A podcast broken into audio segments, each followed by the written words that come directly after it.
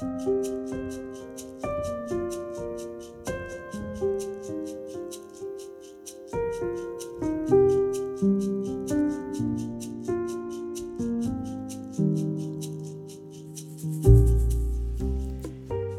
lyttere. I den forrige podkasten i denne serien sa jeg følgende. Noen ganger er mennesket kalt til å reise seg og kjempe mot demoniske krefter, og ikke forholde seg passivt. Slik blir vi en del av Kairos, vi tvinges til å ta side, og vi blir aktivister. Det er filosofen og teologen Paul Tillich som har brakt inn denne dimensjonen i forståelsen av begrepet kairos, den beleilige tid. Før vi undersøker litt nærmere Paul Tillich, vil jeg gi dere et bibelvers og en bakgrunnsinformasjon fra den greske antikken. Vi begynner med det siste. Den eldste kjente opptegnelsen av ordet kairos finnes i det greske eposet Iliaden, som vanligvis dateres til det niende eller åttende århundre før Kristus. Der betyr kairos et ømtålig punkt på kroppen. Et angrep direkte mot dette punktet vil være dødelig, og derfor må området beskyttes. Jeg vet ikke så sikkert om det er noen direkte sammenheng mellom denne eldre fysiske betydningen av ordet og det senere tidsbegrepet, men kanskje aner vi likevel et viktig tilleggsaspekt som lett kan forsvinne. Kairos er en mulighet, men Kairos er også et sårbart punkt som kan innebære fatale valg. Kairos-tiden kan tas vare på, eller den kan være en åpning for katastrofen når situasjonen feilbedømmes. I den greske antikken dukker Kairos stadig opp som et begrep i militær sammenheng. Skulle en by forsvare seg mot en ytre fiende, var det avgjørende å gjøre rette beslutninger i rett tid, Kairos. Feilvurderinger kunne få dødelig utfall. En hersker trengte både militær kompetanse og praktisk visdom for å bedømme om det var tid for krig eller tid for å slutte fred. Og hva med bibelverset? Tidligere har jeg sitert bibelsteder der Kairos står for hellige øyeblikk i tiden som påkaller en menneskelig respons. I dag oppdaget jeg også ordet brukt i en farefylt kontekst. På slutten av fortellingen i Lukas 4 om djevelen som frister Jesus i ørkenen, står det, da djevelen var ferdig med å friste ham på alle måter, holdt han seg borte fra ham for en tid. I oversettelser til flere språk står det at han forlot ham i påvente av en ny mulighet. For det er Kairos-ordet som her er brukt i den greske originalen.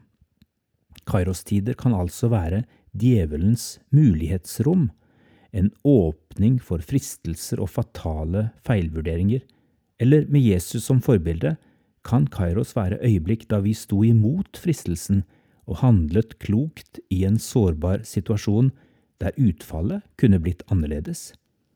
Husk også paradokset at selv om det er djevelen som får spillerom, er det ånden som først driver Jesus ut i ørkenen, ifølge Lukas kapittel fire. Da er vi tilbake hos filosofen og teologen Paul Tillich.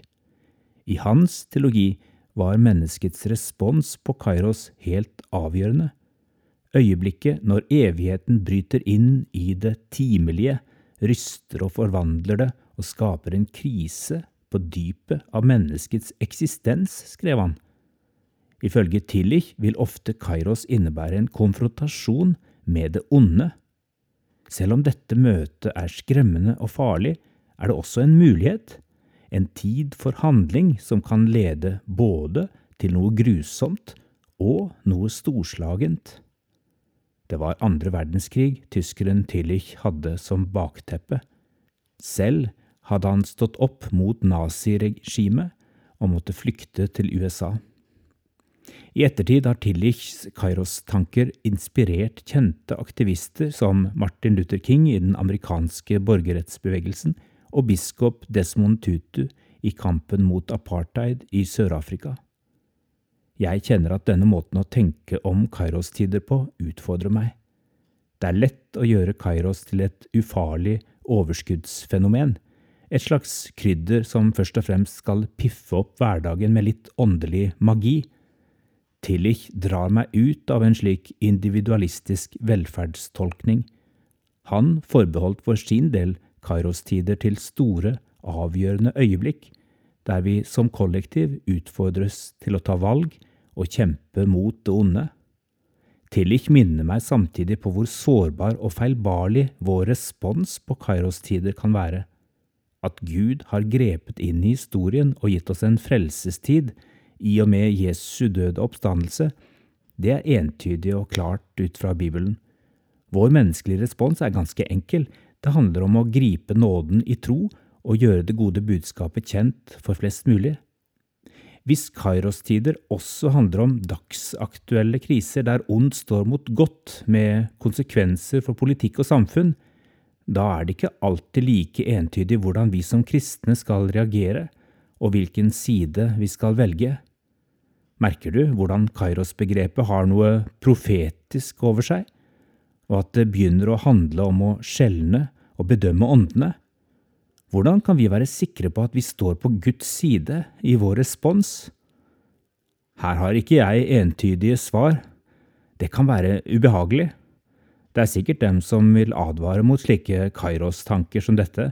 Hva om vi gir rom for teologier og ideologier uten bibelsk dekning? Jeg tror vi må leve med den faren.